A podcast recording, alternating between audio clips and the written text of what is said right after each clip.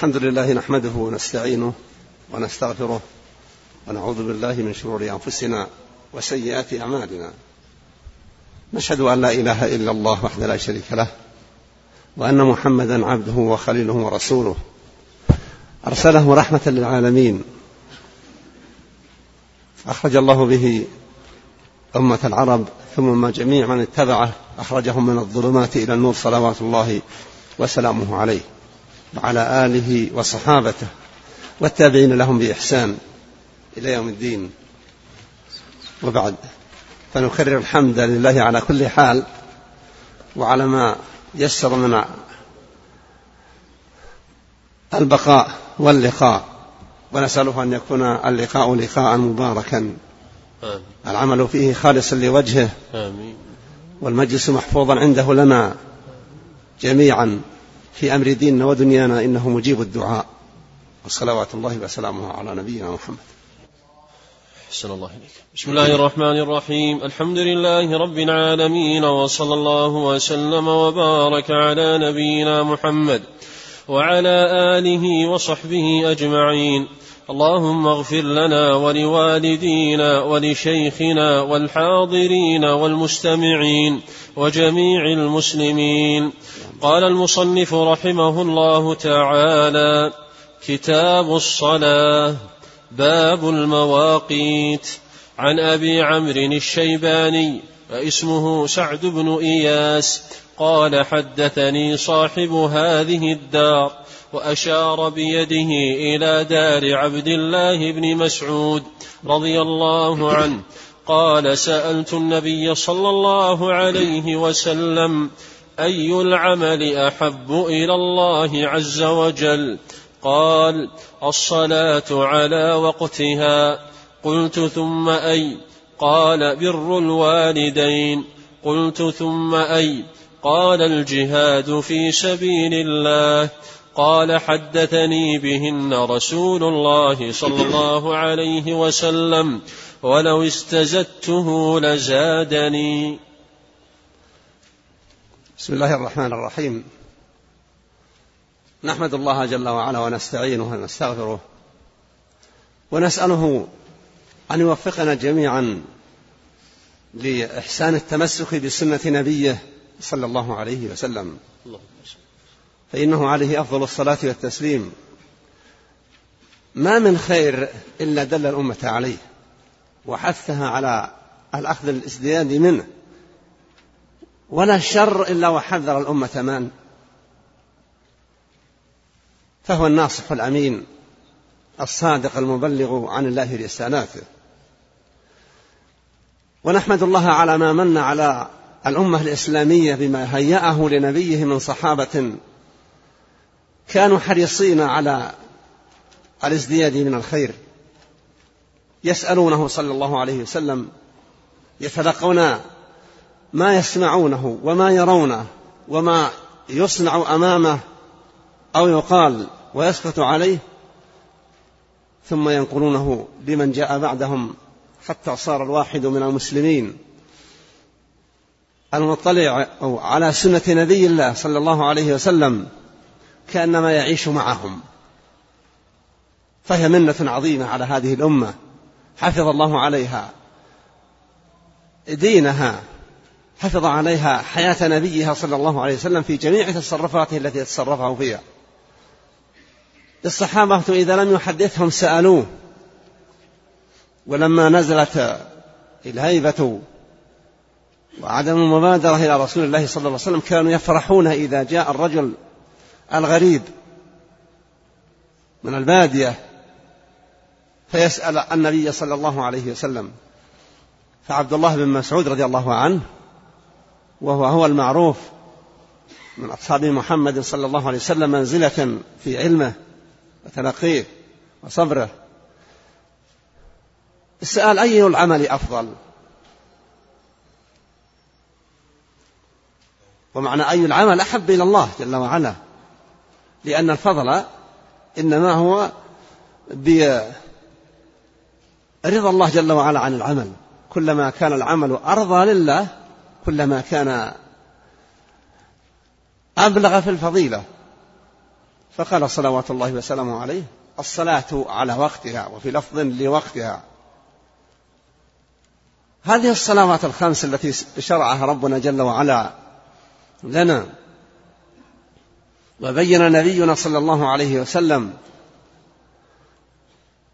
أنها أحد أركان الإسلام فهي الركن الثالث كما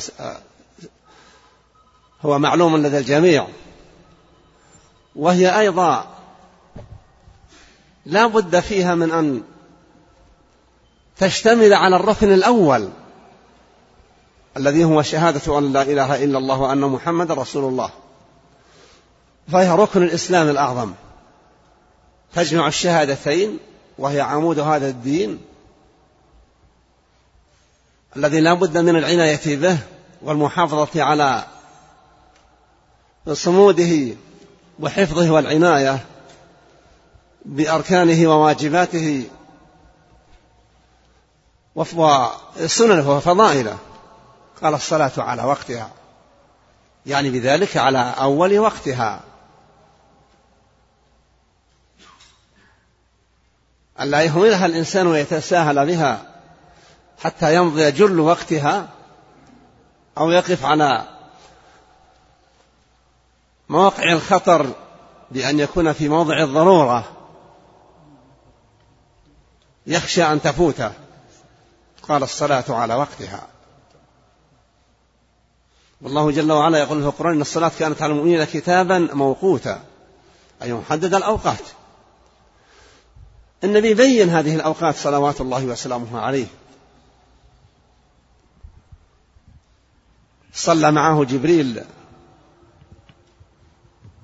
يومين في أول الوقت وأواخره ثم بين أن الصلاة في هذين الوقتين بينهما أي هذان الوقتان يستغرقان مواضع الصلاة.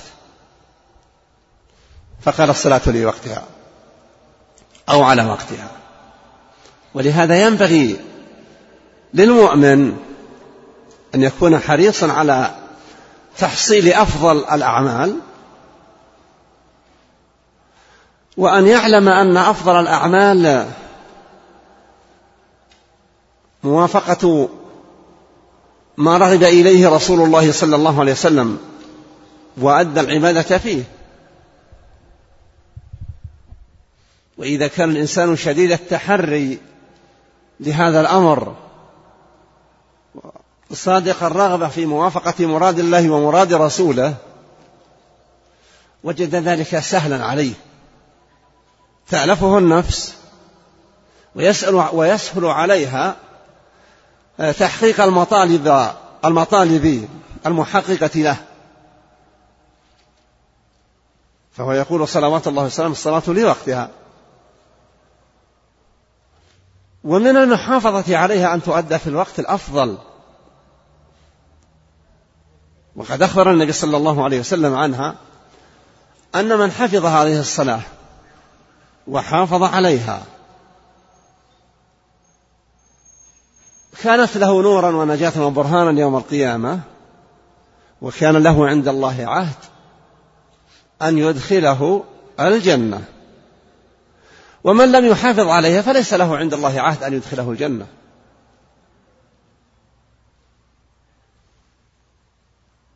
ومن المحافظة عليها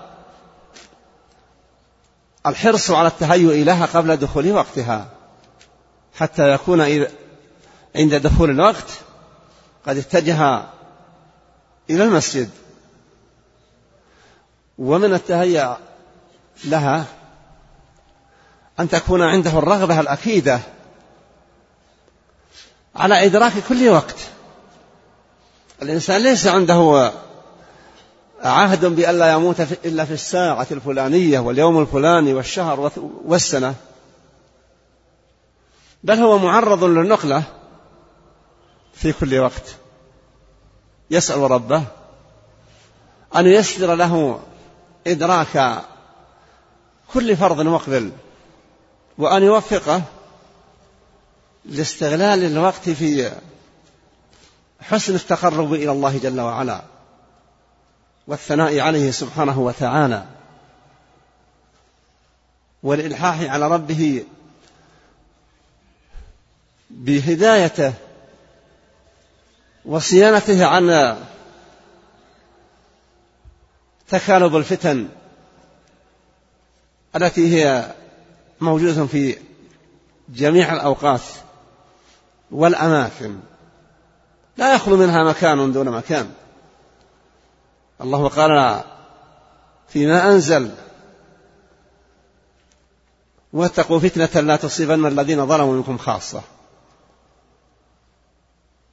ووقعت الفتن في عهد الصحابة. حتى قال بعضهم ما كنا نظن أننا, أننا معنيون بهذه الآية. فالمسلم يحرص في صلاته على الإقبال على الله ويؤديها في أول وقتها حسب الإمكان.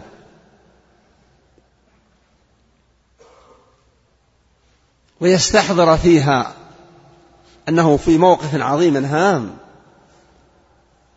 في موقف يناجي فيه الله جل وعلا فليكن على غاية من الحياء من ربه سبحانه وتعالى.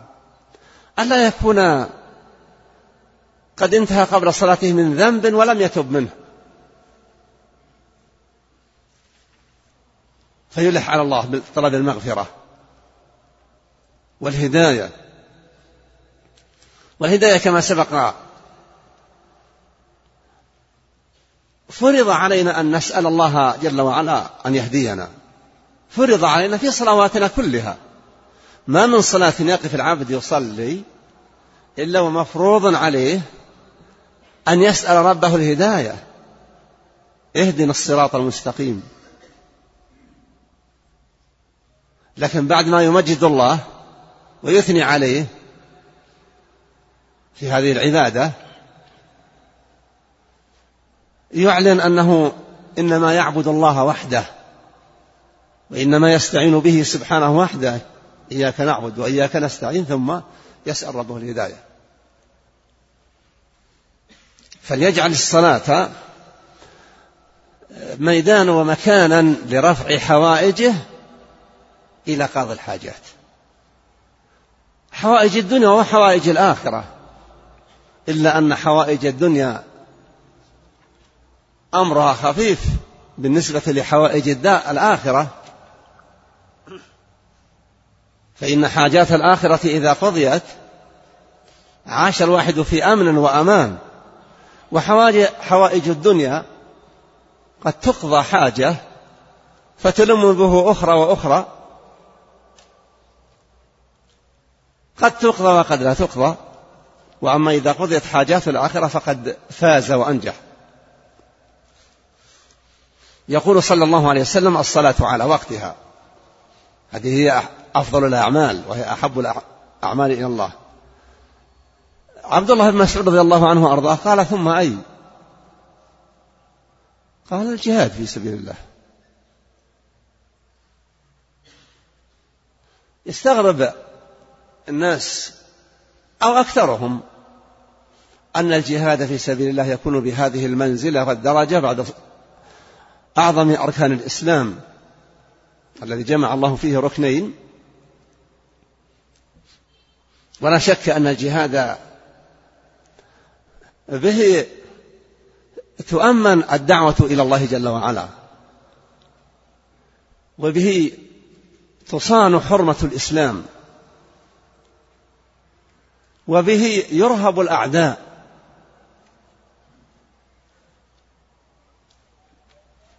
ويقهر المتعدي على حقوق الله جل وعلا وحقوق عباده. ولهذا لما ذكر النبي صلى الله عليه وسلم الأعمال التي إذا دخل عملها العبد دخل الجنة وكان أحد الصحابة يسمع فقال بخن بخن. يعني ما دام أن دخول الجنة يحصل بهذه المسائل بالصلوات الخمس فقط بأداء الزكاة المفروضة فقط بالصيام الواجب فقط بالحج الواجب فقط اللي هو في العمر مرة قال بخن بخن قال يعجبه قال نعم. قال إن في الجنة مئة درجة. ما بين كل درجة وأخرى أبعد مما بين السماء والأرض. أعدها الله للمجاهدين في سبيل الله.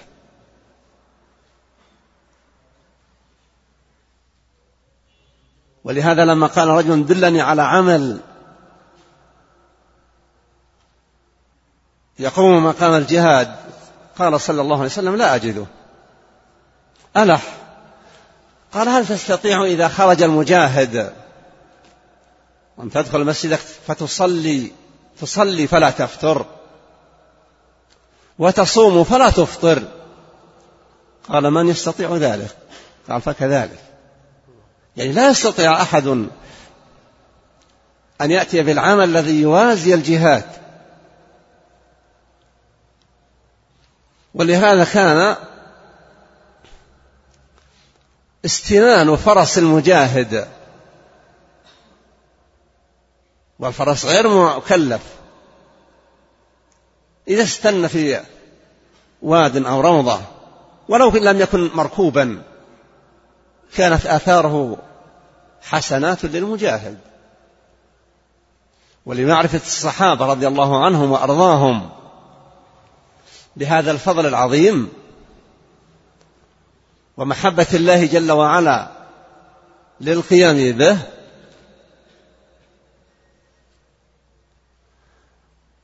لم تمضي ثلاثون سنة.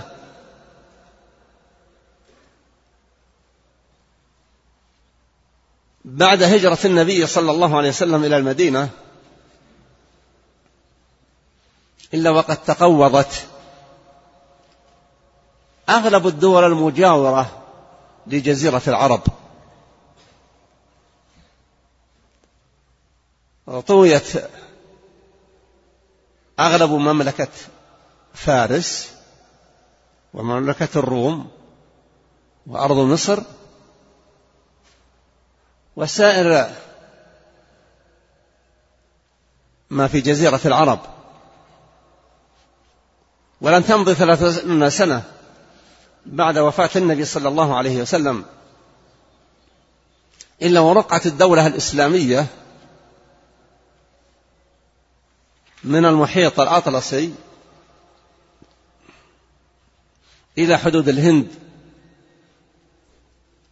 كل ذلك في فترة وجيزة. ولم تكن هذه معارك الجهاد مقتلات ومحارق للعباد ولكنها إشعاعات نور وفتح أبواب هداية وإخراج للناس من الظلمات الجاهلية والكفرية إلى ساحة الأمن والأمان والإيمان.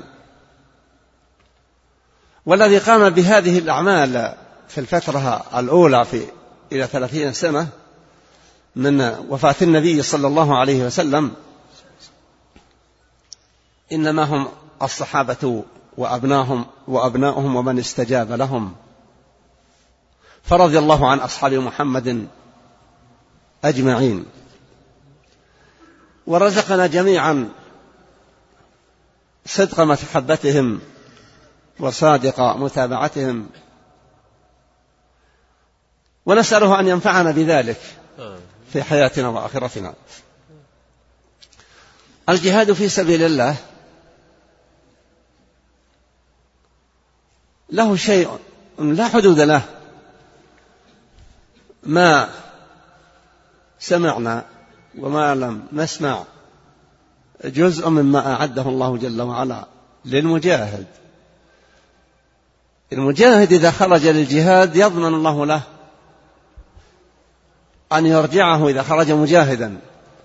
بما يرجعه فيه به من أجر وغنيمة وإما أن يدخله الجنة. ودخول الجنة تحقيق وصولها هو الفوز. كما في قول الله فمن زحزح عن النار وأدخل الجنة فقد فاز. لا شك أن المسلمين يوم كانوا مجاهدين حقا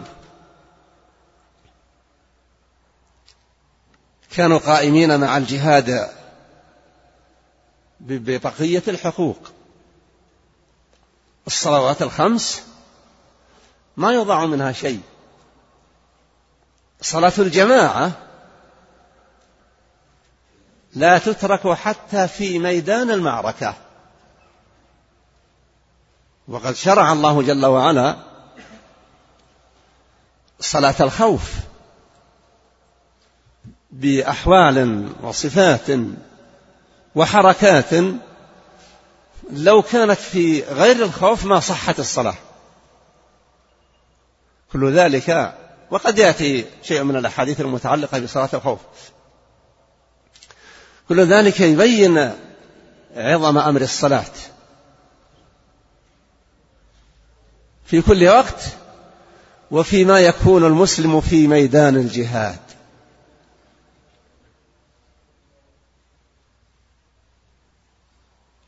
وقد همت هم المشركون أن يهجموا على محمد صلى الله عليه وسلم وأصحابه لما دخلوا في صلاة من الصلوات وتحادثوا أنه سوف تأتي صلاة يعنون العصر هي أهم عندهم.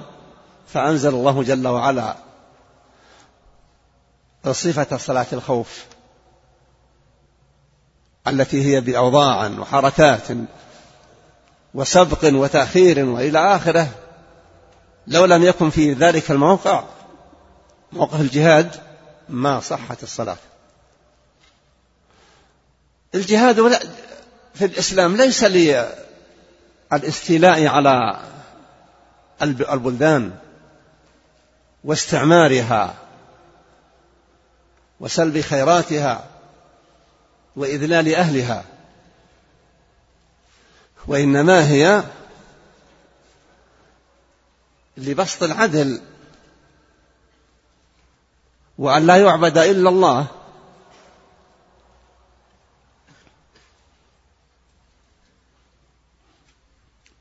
وأن يقضى على الشرك ومظاهره. ولهذا قال النبي عليه أفضل الصلاة والتسليم أمرت أن أقاتل الناس حتى يشهدوا أن لا إله إلا الله وأني رسول الله ويقيموا الصلاة ويؤتوا الزكاة. فالجهاد في سبيل الله لفتح سبل الدعوة إلى الله وتبليغ الناس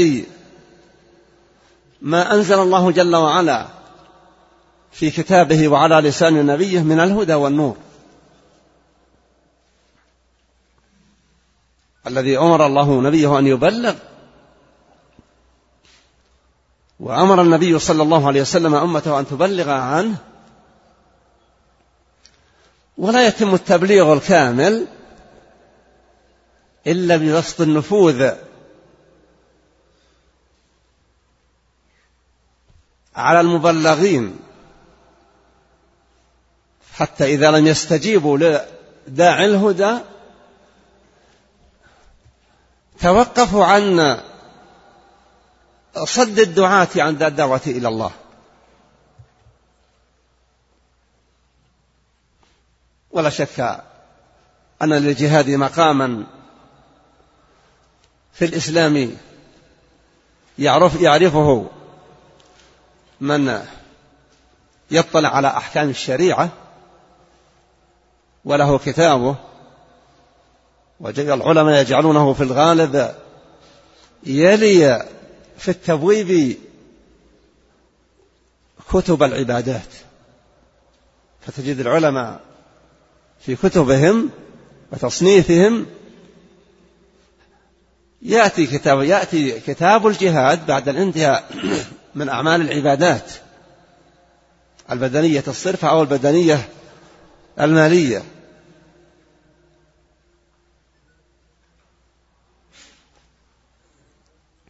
وبه سادت الأمة زمنا طويلا. حتى دب فيها ما كان يدب في الأمم. من أمور عديدة. أهمها الإخلاد للدنيا وملذاتها ومطالبها من مأكول ومشروب وغيره ومن حب للاستعلاء. لأن حب الاستعلاء على الخلق لذاته من الجرائم. في هذا الحديث الهام الذي سأل عبد الله بن مسعود فيه النبي صلى الله عليه وسلم عن أفضل الأعمال أو أحبها أو خيرها فيه بر الوالدين. الله جل وعلا لم يقرن حق أحد من المخلوقين بحقه إلا ما يتعلق بالوالدين.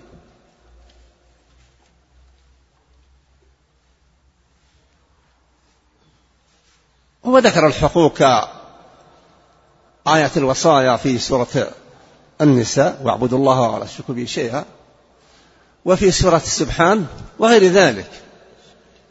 لكن أن يقول افعل لي ولوالديك إنما ذكر ذلك ولم يذكر مع الوالدين أحد. أن اشكر لي ولوالديك. ولم يأمر الله جل وعلا أحدا بأن يصاحب من يعادي الله صحبة لطف وعناية وبر وإحسان إليه إلا ما كان في الوالدين. إذا لما يأتي أمر فضائل الأعمال نجد أن من أفضل الأعمال بر الوالدين. لما ننظر إلى مواطن الأخطار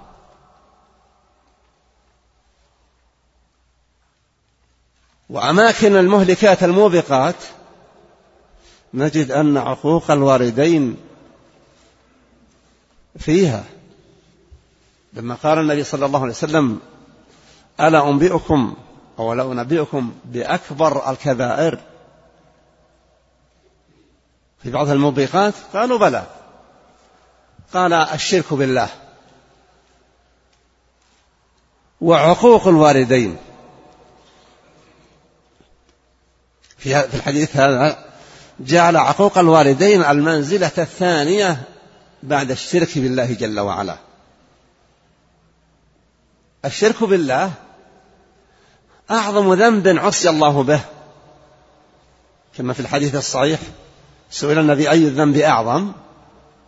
قال أن تجعل لله ندا وهو خلقك.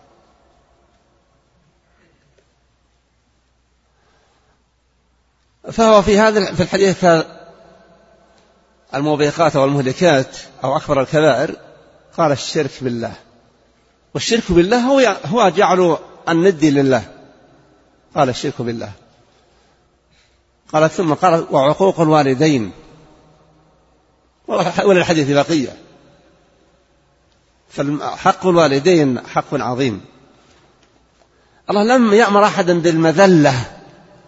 لأحد من البشر إلا للوالدين. ففي سورة الإسراء وقضى ربك ألا تعبدوا إلا إياه بالوالدين إحسانا. إما يبلغن عندك الكبر أحدهما أو كلاهما فلا تقل لهما أف ولا تنهرهما وقل لهما قولا كريما واخفض لهما جناح الذل من الرحمة. الله لم يأمر أحدا بأن يذل لأحد من الخلق إلا للوالد للوالد للوالدين كما أنه في الشكر قال اشكر لي ولوالديك. فأمر الولد بأن يقوم بما يستطيع. مما هو مباح للوالدين.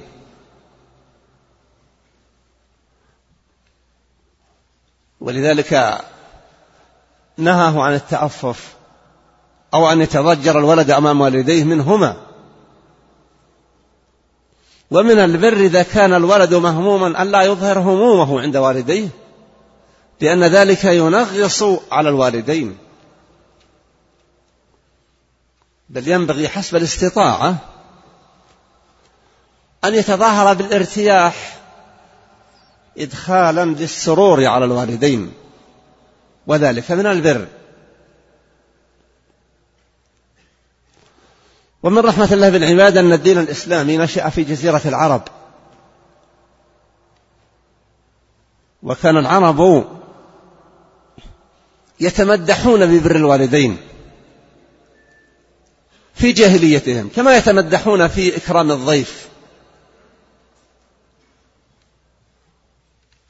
ويأتي النبي صلى الله عليه وسلم ويبين كمال الأخلاق كما في حديث أنه بعثت لأتمم مكارم الأخلاق.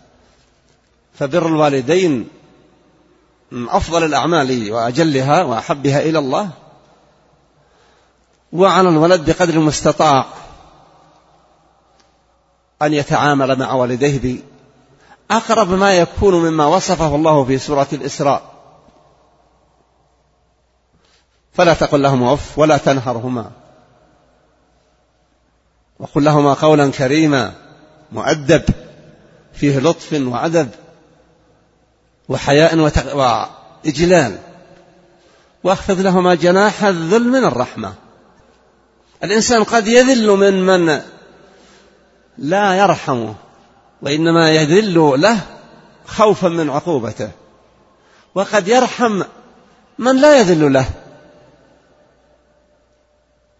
قد يرحم صغيرا أو مريضا أو عاجزا أو غير ذلك. ممن يتصف بصفة يجد الإنسان أنه في موضع يرحم عليه لكن لا يذل. ومع الوالدين أن يجمع مع في تعامله معهما بين التذلل لهما والرحمة. لهما. والدعاء وقل رب ارحمهما كما ربياني صغيرا. يبين له له أنك, أنك لست متفضل بذلك. فلهما سبق الإحسان عليك. والعناية بك. وتقديمك تقديمهما لك على نفسيهما. إذا لا غرابة أن يكون بر الوالدين مع أعظم أركان أركان الإسلام. الصلاة التي جمعت الركنين معا. وعلى أن يكون مع وسيلة هداية البشر. كما أن عقوقهما قرين للشرك قرين لقتل النفس المعصومة قرين لأكل أموال الناس بالباطل قرين لقول الزور. وينبغي للمسلم أن يحرص على تعويد نفسه الإحسان إلى والديه وبرهما والتأدب معهما في الحديث. لا يحرص على أن يسبقهما في شيء في قول. أن يحرص على لزوم الصمت ما دام يحبان أن يتكلما. وإذا أحب أن يستنكر عليهما شيئا فليقرأ. قول الله جل وعلا عن نبيه وخليله إبراهيم في مخاطبته والده ولما هدده والده بما هدده. ما قال أعرض عنك. قال سأدعو لك ربي. يحرص الولد على الأب. والوالد والأم على الأبوين. إذا كان الوالدان وتأتي بعض الأسئلة من بعض الناس يشكو إعراض والده عن طاعة الله. ينبغي للواحد أيضا مع والده أن يحسن نصح والده بلطف وأدب ولو بضرب الأمثال. وإذا كان معه أحد يحرص على أن يتحدث عن غير والده حتى لا يظن الوالد أنه يريد أن يعرض بأبيه المهم أن يحرص المسلم على تحقيق ما يقدر عليه مما أشار إليه رسول الله صلى الله عليه وسلم من الفضل العظيم فيما جاء في حديث عبد الله بن مسعود رضي الله عنه أرضاه الذي قال ولو استزدته لزادني. وكان ابن مسعود رضي الله عنه من أحب أصحاب النبي صلى الله عليه وسلم له رضي الله عنه وعن سائر صحابة رسول الله صلى الله عليه وسلم. أحسن الله إليك. وعن عائشة رضي الله عنها قالت لقد كان رسول الله صلى الله عليه وسلم يصلي الفجر فتشهد معه النساء من المؤمنات متلفعات بمرطهن ثم يرجعن إلى بيوتهن ما يعرفهن أحد من الغلس. قال رضي الله عنه المروط أكسية معلمة تكون من خز وتكون من صوف ومتلفعات متلحفات والغلس اختلاط ضياء الصبح بظلمة الليل. صلاة الجماعة من رحمة الله بالأمة أنه لم أن الله لم يفرضها على النساء فرضا وإنما أباحها لهن. والنبي بين أن صلاة المرأة في بيتها أفضل من صلاتها في في المسجد. لكنه بين أن من استأذنته امرأته للصلاة في المسجد عليه أن يأذن لها. وقال لا تمنعوا إماء الله مساجد الله. وتذكر عائشة رضي الله عنها أن النساء يشهدن يعني لا تعني أن جميع النساء وإنما يشهد جملة منهن الصلاة مع النبي. يصلين متلفعات يعني متلفلفات متلفعات بمروطهن ويخرجن من الصلاة يسبقن الجماعة بالخروج حتى لا يتم اختلاط الذي هو صار مثار حديث الناس وتحدث بعض الناس بإنكار أمر الاختلاط وأنه لا صحة له وهو إلى آخره. تدخلات من أناس كان أحلى منهم.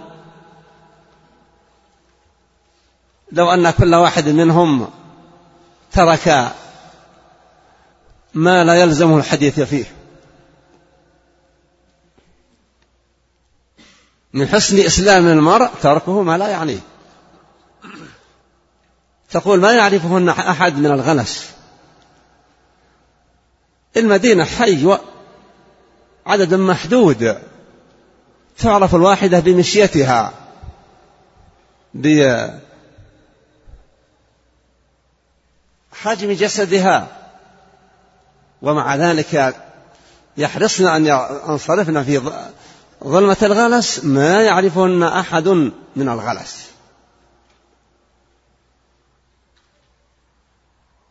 وقوله تفسير المروط أنها من صوف أو خز لا شك أن الخز الذي هو الحرير حلال للنساء. وأما الرجال فقد حرم الله جل وعلا على رجال هذه الأمة لبس الذهب ولبس الحرير.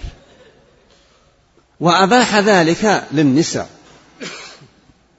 فخروجهن متلفعات بالمروط التي قد قد تكون من خز وهو وهو الحرير وقد تكون من صوف.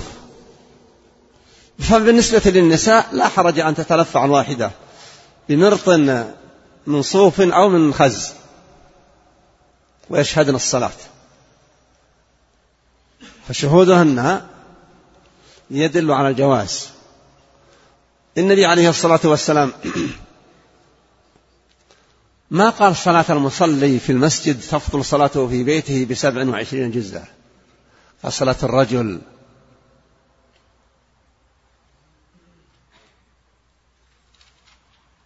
وأما النساء فالأفضل لهن البيوت. لكن لي منع النبي النبي صلى الله عليه وسلم أصحابه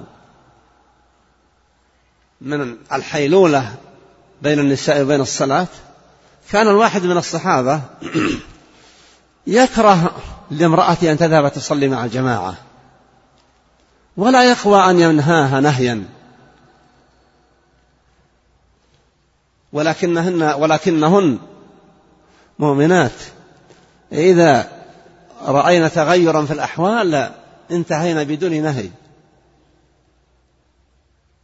كما في قصة امرأة عبد الرحمن بن عوف رضي الله عنه. كان لا يحب لامرأته أن تذهب إلى المسجد فقالت له امنعني. فلم يمنعها ما ذكره النبي صلى الله عليه وسلم فاحتال رضي الله عنه بحيلة جعلها تنفر هي من الذهاب إلى المسجد. فسألها قالت كنت أصلي إذ الناس ناس. يعني لما تغيروا تغيرت فلم أذهب للمسجد. المرأة إن شاء الله لا تحصل على الأفضلية التي يحصل عليها الرجل لكن لأن اكتنانها في بيتها أفضل يكون تقيدها في البيت أفضل. ثم لو ترك للنساء أو جاء الأمر بحثهن على أداء الصلوات في المساجد لربما حصلت مشاكل أو ضاعت أحوال أسر. والشريعة الإسلامية جاءت بتحقيق المصالح وتكثيرها ودرء المفاسد ودفعها وتقليلها ما أمكن.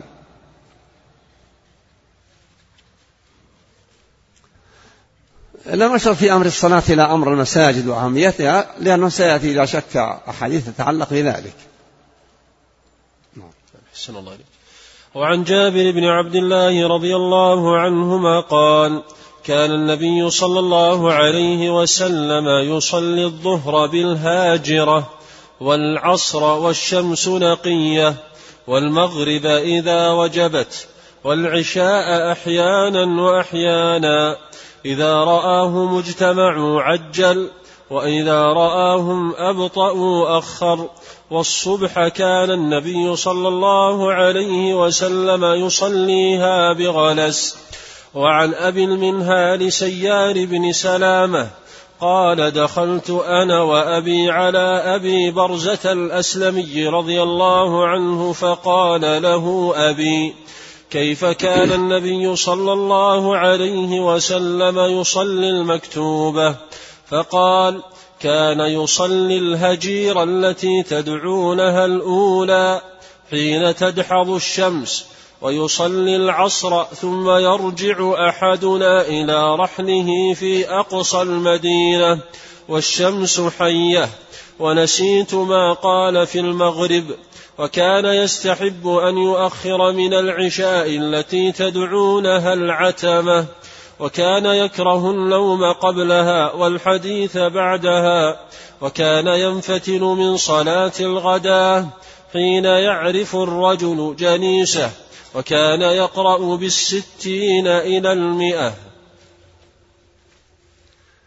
هذا الحديث كانه تفصيل للصلوات الخمس.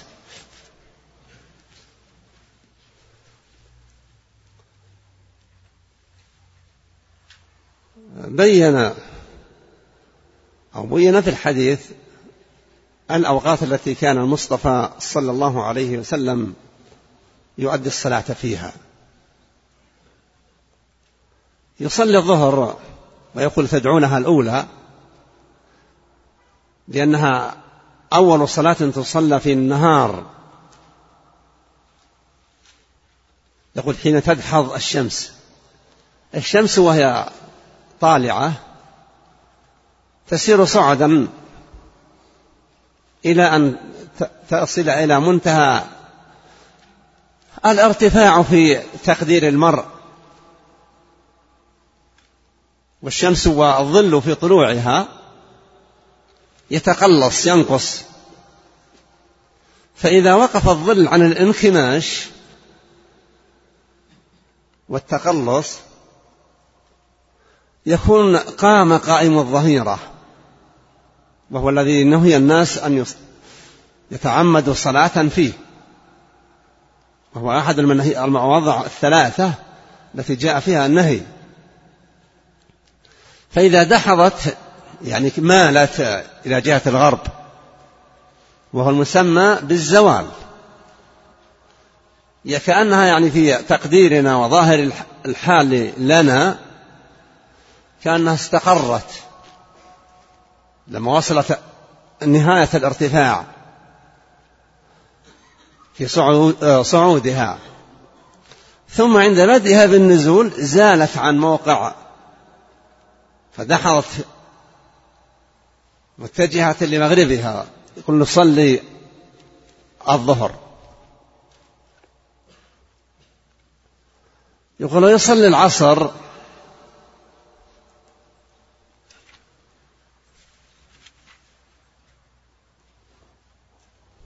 ويذهب الذاهب بعد الصلاة إلى منزله في أقصى المدينة والشمس حية يعني في نهار. ومعنى الشمس حية؟ الشمس عندما تنظر إليها تنظر إلى ضوئها تجد أنه ضوء بياض أن الشمس بيضاء نورها أبيض. فإذا بدأ يتغير بالإصفرار فذاك الذي هو بدء ما يضاد الحياة ليس الحياة في الروح ما يتعلق لكنها يعني هكذا سموها. والشمس حية لا تزال بيضاء. ولهذا في حديث عائشة تقول الشمس حية بيضاء في حجرتي يعني مع فتحة التي في جهة الغرب ترى دخول أضواء الشمس أبيض. والمغرب إذا غربت المغرب لم يذكر له طول وقت. والعشاء يقول تارة وتارة. يعني إذا كان الناس متهيئين وكما ذكرت المدينة محدودة النواحي والعدد. وكل أحد حريص على أن حريص على أن يصلي مع رسول الله صلى الله عليه وسلم. فإذا راهم اجتمعوا عجل بدأ بكر في الصلاة. وإذا رآهم تباطؤوا وهم أصحاب حروث الزراعة وبعضهم قد يتأخر تأنى إلا أن التأخر أحب إليه لولا رغبته بالرفق بتحصيل الرفق للأمة. لأنه بين أن التي ينامون عنها أفضل. ولولا المشقة لأخر الناس إلى أن يمضي الثلث الأول من الليل. فهو يقول تارة وتارة. أي أنه عند دخول الوقت ينظر في حال المأمومين. والإمام عليه أن ينظر في حال المأمومين. إذا كان الأمر إليه وإليهم. وإذا كان الأمر قد نظمته السلطة فالسلطة لا تملك أن تنظم الأمر قبل دخول الوقت. ولكن بعد دخول الوقت يكون التأخر مباح والمبادرة مباحة. إلا إذا كانت في الاختيار فالمبادرة أفضل. لحديث الصلاة لي وقتها على وقتها. ولما صلى النبي مرة من المرات وتأخر آه، حتى صارت رؤوس أصحابه رضي الله عنهم وأرضاهم تخفق يعني من النوم تتمايل والإنسان إذا كان جالسا يكون للرأس حركة كلما غلبه النعاس كلما ارتقت أعصاب الجسد فخفق الرأس. فلما جاءهم وصلى بهم قال عن تلك الصلاة أنه ليس أحد يعني في الوجود, في الوجود يصلي سواكم هذه الساعة. ولولا أن أشق على أمتي لأمرتكم لأمرت بالصلاة في هذا الوقت. صلاة الصبح يصليها بغلس لكن بعد تحقق طلوع الفجر. عند الاقتضاء والحاجة يجوز أن يصلي في أول الوقت كما يقول في قصة صلاة الصبح في جمع في المزدلفة. فإنه صلى بالناس الصلاة صلاة لم يكن يصليها في ذلك الوقت في في ذلك الفرض. وإنما بادر في أول الوقت ليتهيأ الناس لإتمام حجهم. وهو كما وصفه الله جل وعلا. بالمؤمنين الرؤوف الرحيم. صلوات الله وسلامه عليه. فالصبح يصليها بغلس والناس يختلفون في الغلس. منهم من يزيد في الغلس. فيصلي مبكرا. ومنهم من يتسهاون حتى لا يبعد طلوع الشمس. والوسط هو الأفضل. يقول الصحابة رضي الله عنهم عن صلاة المغرب كان أحدنا يرمي يعني بعد ما يصلي المغرب فيرى موضع سهمة إذا وقع في الأرض أنه يبادر في الرمي قبل أن يختلط النظام والصبح ينفتل من الصلاة حين يعرف المرء جليسه. ما عندهم مصابيح وأنوار لكنه إذا التفت وقد بدأ ضوء الصباح ينتشر يعرف المصلي جليسه الذي بجانبه. فهذه أوقات الصلاة عنده صلى الله عليه وسلم. ثم أصحابه رضي الله عنهم اهتموا بذلك غاية الاهتمام. ونقلوا لنا كما أشرت إلى ذلك قبلا. ولهم علينا فضل عظيم فيما دونوه ونقلوه لنا من أحكام ديننا وأحوال نبينا. فمهما دعونا لهم فإنا لا نستكمل حقهم رضي الله عنهم. فكيف بمن يتهمهم ويدعي كفرهم ويلعنهم مما لا شك أن اللعنة تعود عليه. فنترضى عن صحابة رسول الله صلى الله عليه وسلم وننطوي على حبهم وتجنب البحث فيما دار بينهم من خلاف. كما يقول ذلك العالم الذي نظم في العقيدة مما يقول ونسكت عن حرب الصحابة فالذي جرى بينهم كان اجتهادا مجردا فرضي الله عنهم وأرضاهم.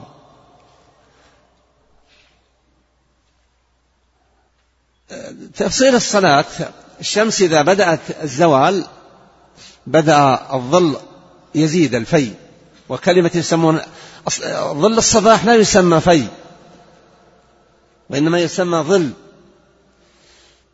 وظل ما بعد الزوال يسمى في والفي هو الرجوع كأن الظل رجع. إذا كان ظل الشاخص إذا وقفت الشمس دخل وقت الظهر.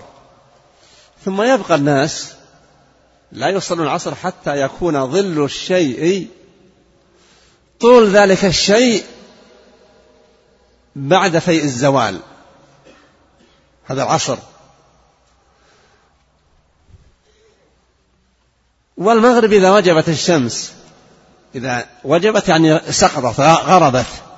والله يقول عن سقط ما ينحر فإذا وجبت جنوبها إلى آخره. إذا سقطت جنوبها. إذا غربت الشمس وجبت دخل وقت المغرب. وكان النبي صلى الله عليه وسلم يعجل صلاة المغرب. لا يؤخرها ولا يطول التأخير فيها. التأخير فيها. لكنه مع ذلك قال عن الصلوات عموما قال عن المغرب بخصوصها صلوا قبل المغرب ركعتين. صلوا قبل المغرب ركعتين ثم في الكلمة الثالثة أو بعدها. قال صلوا بعد قبل المغرب ركعتين ثم قال لمن شاء. يعني ليس بفرض ولكنه أمر مفضل. وأما عن الصلوات الخمس كلها فهو يقول صلى الله عليه وسلم بين كل أذانين صلاة. والمقصود بالأذانين الأذان والإقامة. بين كل أذانين صلاة. ثم قال في الثالثة أو في الرابعة بين كل أذانين صلاة قال لمن شاء. يعني أنها ليست فرض وإن ذلك بيان فضل. وبعض الناس يلفت النظر. يدخل المسجد مثلا قبل أذان الظهر بعد دخول الوقت فيصلي الراتبة في ظنه ثم يؤذن المؤذن فيمكث لا يقوم. وهو بمكثه لم يحصل فضيلة بين كل أذانين صلاة. وكذلك في بقية الصلوات. نعم. الله إليك. وعن علي رضي الله عنه أن النبي صلى الله عليه وسلم قال يوم الخندق ملأ الله قبورهم وبيوتهم نارا كما شغلونا عن الصلاة الوسطى حتى غابت الشمس. وفي لفظ لمسلم شغلونا عن الصلاة الوسطى صلاة, صلاة العصر ثم صلاها بين المغرب والعشاء وله عن عبد الله بن مسعود رضي الله عنه قال حبس المشركون رسول الله صلى الله عليه وسلم عن صلاة العصر حتى احمرت الشمس أو اصفرت.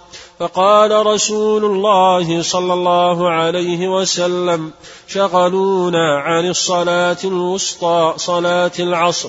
ملأ الله أجوافهم وقبورهم نارا. أوحش الله أجوافهم وقبورهم نارا. هذا الحديث يحكي حال المسلمين في يوم الخندق. والنبي صلى الله عليه وسلم قال في بعض ألفاظ الحديث الذي قال ما صليتها إلا عند غروب الشمس قال والله ما صليتها يقول النبي إلا بعدما غربت.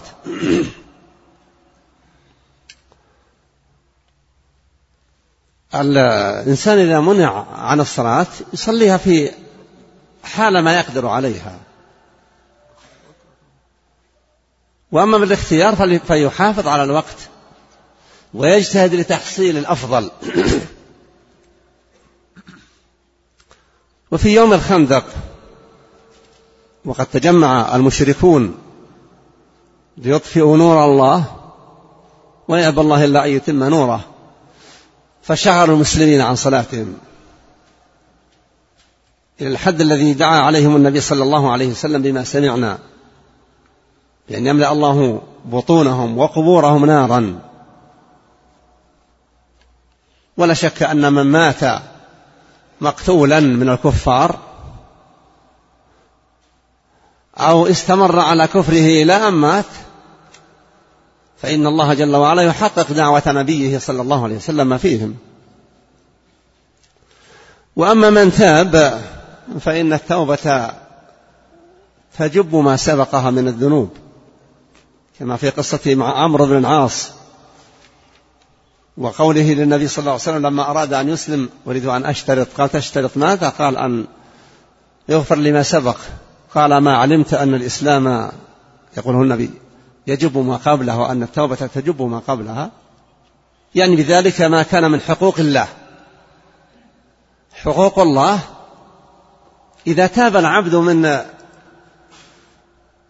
ذنوبه فيها التوبة تمحو ذلك تلك الذنوب مهما كثرت.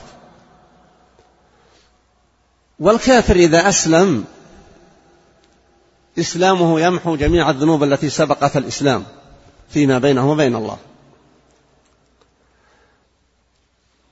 وفي هذا الحديث ودعاء النبي صلى الله عليه وسلم يؤكد أهمية الاعتناء بأداء الصلاة في وقتها.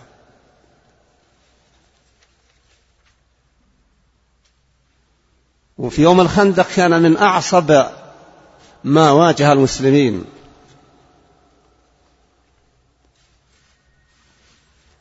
وبعده بدأت الأمور تنفرج انفراجا كبيرا إلى أن جاء الفتح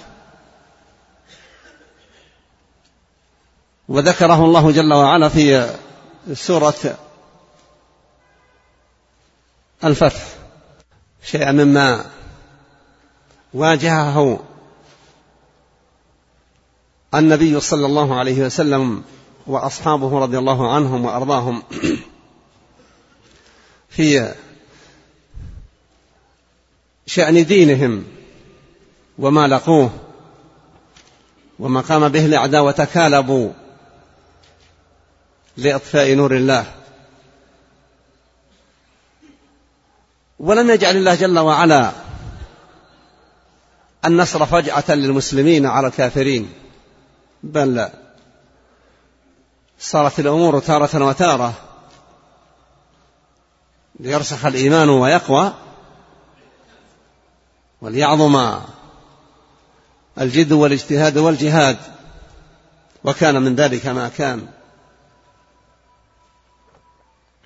فصلوات الله وسلامه على نبيه محمد صلى الله عليه وسلم ورضوانه على أولئك الصحب الذين جاهدوا في الله وآزروا نبيهم.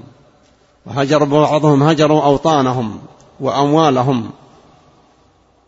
نصرة لدين الله ومؤازرة لرسول الله صلى الله عليه وسلم. والله لا يخيب يضيع أجر من أحسن عملا. ثم فيما يتعلق بالعبادة. تلك. المسلم إذا ابتلي في أوقات فتن أو قتال أو حروب ينبغي أن يعتني بالمبادرة يؤدي الصلاة. إذا أمن وثق بأنه سوف يجد فرصة في الوقت نفسه بذل ما يمكن. وإذا خاف أن يتفاقم الأمر عليه فليؤدي الصلاة. إن وجدت له جماعة صلى معهم وإذا تعذر ذلك فليصلي. إن حيل بينه وبين الاتجاه للقبلة فإنه يؤدي الصلاة ولو إلى غير القبلة تداركا لأدائها في وقتها المشروع بعد أن يترجح عنده أنه لا يقدر على أكثر من ذلك. والإنسان موكول إلى اجتهاده وتحريه وما يفوته بعد بذل الجهد وما يسعه فرحمة الله جل وعلا أوسع. وهو سبحانه وتعالى أرحم الراحمين. سأترك تفصيلا لهذا الحديث للدرس القادم إن شاء الله. وإذا كان ثمة أسئلة لا. نستمع لها أحسن الله إليك شيخنا شكر الله لك ومد الله في عمرك على الطاعة يا شيخ. أحسن الله إليك سماحة الوالد. من باب البر الوالدين هذا أخ صدر سؤاله بقوله هذا السؤال أوصاني به والدي أن أخبره لشيخنا وأن تعرضوه على الشيخ صالح. فيقول يا شيخ بارك الله فيك هل يجوز للأم أن تكشف على زوج بنتها من الرضاع؟ وهل يجوز للأب أن يكشف على زوجة ابنه من الرضاع؟ أما بالنسبة لوالد السائل فليخبر والده بما سمع إذا أمكنه. إذا كان كما مر في الكلام يشكره والده ويثني عليه. وإذا كان قد قصر قال ألم تسأل؟ وسمعت هذا الجواب. أين أنت من هذا الجواب؟ وأما فيما يتعلق بالمحرمية فإن البنت من الرضاع هي بنت للمرضعة. ولصاحب المرضعة زوج المرضعة فهي ابنتهما من الرضاع.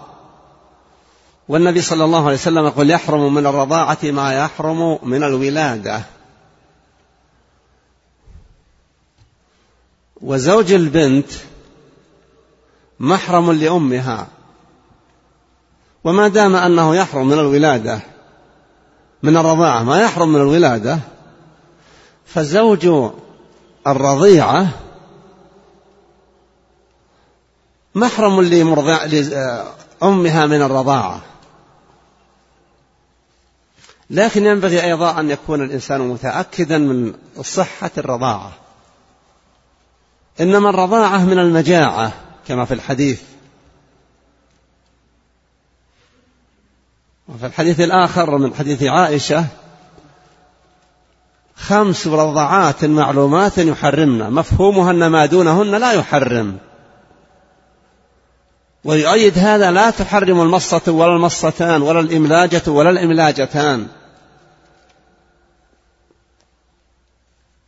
وحديث إنما الرضاعة من المجاعة والرضاعة ما فتق الأمعاء يعني ما كان للتغذية وفي السن في الحولين.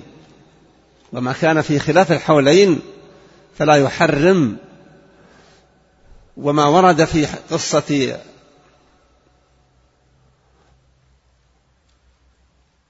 مولى حذيفة فتقول نساء النبي صلى الله عليه وسلم ما نرى ذلك إلا خاص بأولئك يعني لا يتعداهم وهو الذي عليه عامة أهل العلم. أحسن الله إليكم سماحة الوالد. يقول بعدما حدث لإخواننا في جدة من سيول كثر السؤال هل أجر شهيد الغريق وشهيد الحرائق كأجر وفضل شهيد المجاهد في سبيل الله؟ أولا نسأل الله جل وعلا أن يغفر لأموات المسلمين الذين ماتوا على شهادة أن لا إله إلا الله وأن محمدا رسول الله بحق. والذي لا ينطق عن الهوى سأل الصحابة ما تعدون الشهيد فيكم؟ فقالوا من قتل في سبيل الله فهو شهيد. فقال صلى الله عليه وسلم إن شهداء أمتي إذن لقليل. ثم قال عليه الصلاة والسلام المبطون شهيد. الذي يموت بداء البطن بالإسهال الحاد حتى يموت. والمطعون الذي أصابه الطاعون مات بمرض الطاعون شهيد. والغريق شهيد. والحريق الذي يموت في الحرق شهيد والذي يموت بالهدم شهيد. والمرأة تموت بجمع. أي بالطلق في حال الولادة. شهيد. فالنبي عدد أن الشهيد ليس فقط من قتل في الجهاد والقتال.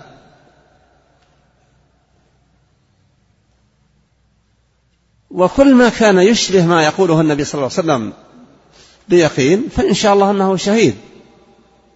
الناس لا يستطيعون أن يتحجروا نعم الله. ويحرموا الناس من فضله. وإنما الإنسان يحرم نفسه في بعض الأحوال. إما بزيغه وضلاله وما تعديه لحدود ربه جل وعلا. هي لا شك أنها كارثة. أصابت من أصابت فنسأل الله جل وعلا أن يغفر لأموات تلك الحادثة ولسائر أموات المسلمين الصادقين في إسلامهم. وأن يجبر مصاب المصيبين المصابين. وأن يعوض بالخلف الكريم كل من فقد خيرا ورزقا ومالا في تلك الحادثة وأن يوفق ولي أمر المسلمين لكل خير ويصرف به عن المسلمين كل شر. وأن يوفق القائمين على سائر البلاد بالاهتمام بمصالح الأمة ورعاية حقوقها وتوفير أسباب السلامة من الكوارث وأن يوفق المصابين للرضا بالقضاء والقدر. وصدق التسليم له. فإنه ما حدث شيء مما حدث إلا وقد شاء الله أن يحدث محالة كما قال المصطفى صلى الله عليه وسلم لعبد الله بن عباس عندما قال له يا غلام احفظ الله يحفظك احفظ الله تجده تجاهك تعرف إلى الله في الرخاء يعرفك في الشدة إلى أن قال واعلم أن ما أصابك لم يكن ليخطئك وما أخطأك لم يكن ليصيبك. جفت الأقلام وطويت الصحف. لكن الكوارث والمصائب هي تنبيه للناس في أمورهم. الهالكون قد تكون سبب مغفرة ذنوب لم يصلوا إلى أسباب مغفرتها. والمشاهدون والعالمون بها قد تكون حافزا للناس أن يتوبوا إلى الله من ذنوبهم. فإنه ما من مصيبة تحدث للخلق إلا بما كسبت أيدي العباد. والله جل وعلا أخبر أنه يعفو عن كثير. أما لو يؤاخذ الله الناس بما كسبوا ما ترك على ظهر الأرض من شيء يدب. ما ترك دابة. لكنه جل وعلا يملي ولا يهمل. ولكنه إذا غضب أخذ أخذ عزيز مقتدر. ثم أن نتائج الغضب لا تكون خاصة بمن أسرف وأذنب. النبي لما ذكر جيشا يغزو الكعبة فإذا كانوا في بيداء من الأرض خسف بأولهم وآخرهم. فقالت عائشة أيخسف بهم وفيهم أسواقهم؟ ومن ليس منهم؟ يعني ومن ضمه الطريق. قال يكون مهلكهم واحدا ثم يبعثون على نياتهم. نعم. أحسن الله إليك. من المعلوم سماحة الوالد عقيدة الولاء والبراء وأنه لا يجوز محبة من حاد الله ورسوله. السؤال ديننا أجاز التزاوج من أهل الكتاب والزواج مظنة الحب فكيف نجمع بين ذلك وهذا؟ ما فهمت السؤال سمي شيخ. ما فهمت السؤال السؤال أحسن الله لك يقول ديننا أجاز التزاوج من أهل الكتاب أن نتزوج من أهل الكتاب.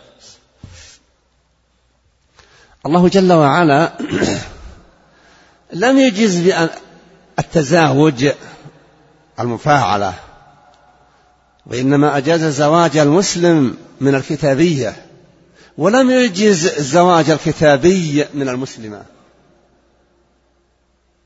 والشأن بالرجال القوامة الرجال قوامون على النساء.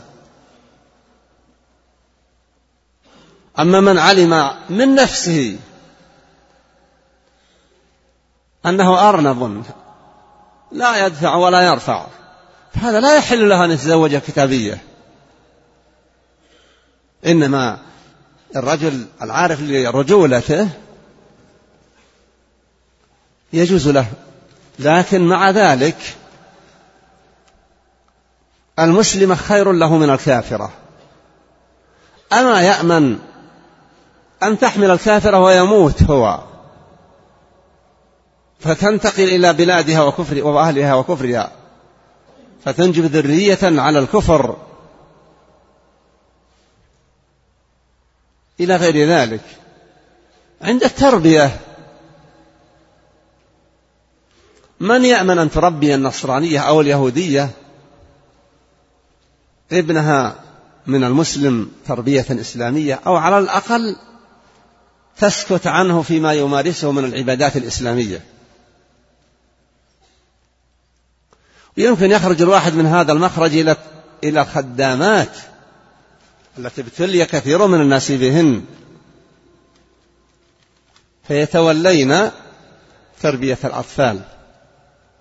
إما أن يكن مسلمات ولكن عندهن من البدع والخرافات والشعبذة والشعوذة. وغير ذلك ما يتربى عليه الناس الناس الناشئ فيكون مثل ما يقول ذاك. فصادف قلبا خاليا فتمكن. ينبغي للمسلم أيضا أن يحرص على أن يختار المرأة الدينة للزواج ويقرأ قول النبي صلى الله عليه وسلم فاظفر بذات الدين تربت يداك. وهو لم يقدم الدين لأن الاستمتاع بالدينة أقوى في تحصيل اللذة من الاستمتاع بالجميلة الأخرى. لا. وإنما أراد الدينة ذات الدين لأنه بيأمنها سوف يأمنها على نفسها وعلى ماله وولده. فإذا ابتلي الإنسان بخادمات يتولين الأطفال فلتكن المرأة والرجل وراء هذه الخدمة. لينشأ الناشئة نشأة مباركة معروف أن كلام العرب يقولون فيما يقولون وينشأ ناشئ الفتيان فينا على ما كان عوده أبوه. يعني إذا عود الوالدان الولد على الصلاح والتقى.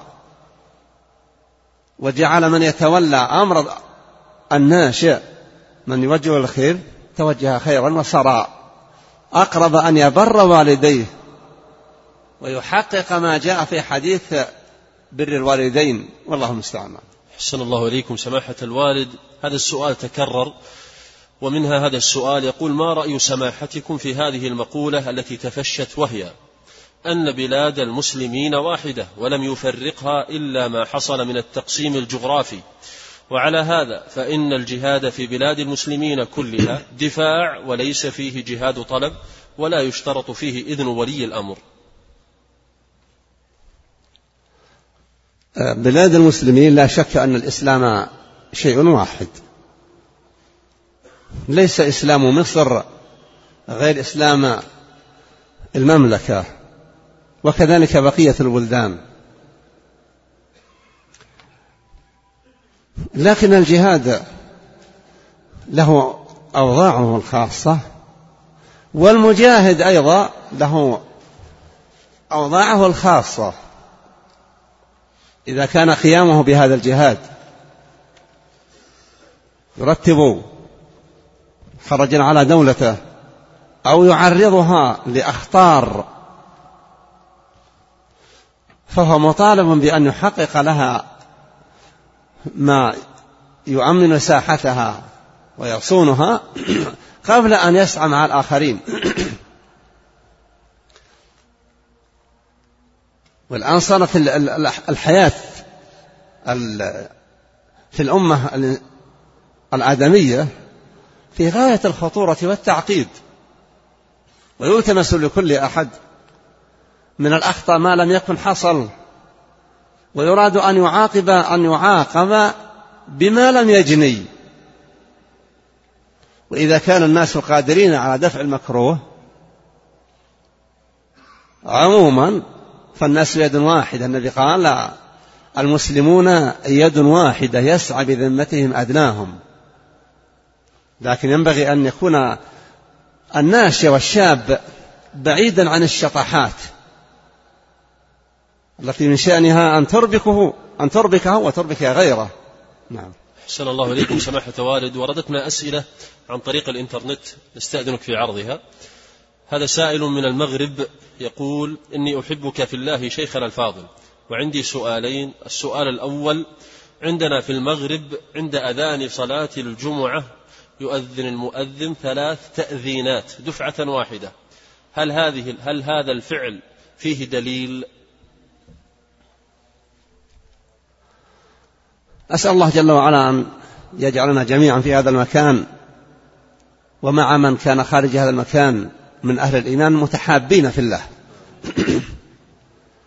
النبي صلى الله عليه وسلم كان يؤذن له في بعض الأوقات مؤذنان على قدر الحاجة. كان بلال يؤذن مبكرا ويؤذن ابن أم مكتوم. ويقول كلوا واشربوا. فإن بلالا يؤذن بليل فكلوا واشربوا حتى يؤذن ابن أم مكتوم. وكان رجلا أعمى لا يؤذن حتى يقال أصبحت أصبحت. الأولى الاقتصار على مؤذن واحد.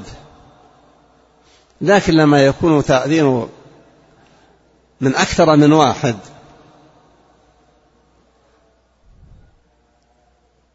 فيه زيادة إيضاح وزيادة تبليغ للناس فإن شاء الله لا حرج. وهو ذكر والذكر له شأنه. الشيطان إذا سمع المؤذن في أداء الأذان أدبر يعني راح. وله حصحاص. والحصحاص معناه الضراط. فإذا سكن عاد فإذا أقيمت الصلاة أدبر. الأفضل للناس في الدنيا كلها أن يتقيدوا بالمقدار الذي استغنى به النبي صلى الله عليه وسلم. ما كان في عهد النبي يؤذن يؤذن أول لصلاة الجمعة. وإنما يكتب للمؤذن الواحد الذي يؤذن بين يدي رسول الله صلى الله عليه وسلم. ثم لما اتسعت المدينة وترامت أطرافها سن عثمان رضي الله عنه الأذان الأول ليوم الجمعة. ولم يكن بالقدر الذي إذا انتهى من الأذان وصلوا ركعتين قام الثاني لا. يؤذن على الزورة فالذي يسمعه ما تهيأ يتهيأ فدل ذلك كله على أن الأمر فيه سعة نعم. أحسن الله إليكم. وسؤاله الثاني يقول ما حكم صلاتي إذا صليت مع الجماعة ونسيت أنني قد توضأت؟ صليت ناسيا الوضوء وتذكرت هذا في وسط صلاتي فما حكم صلاتي؟ آه، تنصرف. إذا تذكرت أنك لم تتوضأ فإنه لا صلاة إلا بطه إلا بوضوء. إذا تذكرت أنك لست على طهارة وإنما دخلت تظنك على طهارة فإنك تنصرف. وعلى فرض أنه لا يمكنك الانصراف. للزحام والضيق والحرج الذي يصادفك وتخطي الصفوف فهذه الصلاة لا يعتد بها. فحالما تخرج توض وأعد الصلاة. نعم. أحسن الله إليكم. ونختم بهذا السؤال من الغرفة غرفة البالتك من نسائم الإيمان يقولون ما حكم قراءة بعض الأخوات القرآن في هذه الغرفة وهناك شيخ يصحح لهم القراءة مع وجود بعض المخاطر في مثل هذه الغرف مخاطر؟ مخاطر في بعض المخاطر يجب أن تجتنب. والمرأة لا تخلو بالرجال. لا تخلو برجل وما خلا رجل بامرأة إلا كان الشيطان ثالثهما. وتصحيح أداء القرآن إذا كان بين النساء والرجل المصحح. حاجز. يسمعن كلامه ولو لم يرينه فلا حرج. إذا كنا مجتمعات. وأما أن يدرس واحدة منفردا بها فلا يجوز ذلك. وهو من الخلوة المحرمة. والله المستعان. أحسن الله إليه. هذه الغرف غرف وهمية في الإنترنت. قد يكون هو وإياها أو يدخل معهم أناس آخرين. آه يعني غرف إنترنت يا شيخ. هذه الغرف من يأمن أن أنه يدور فيها كلام وربما حديث عشق وغرام ووعد يقول شوقي.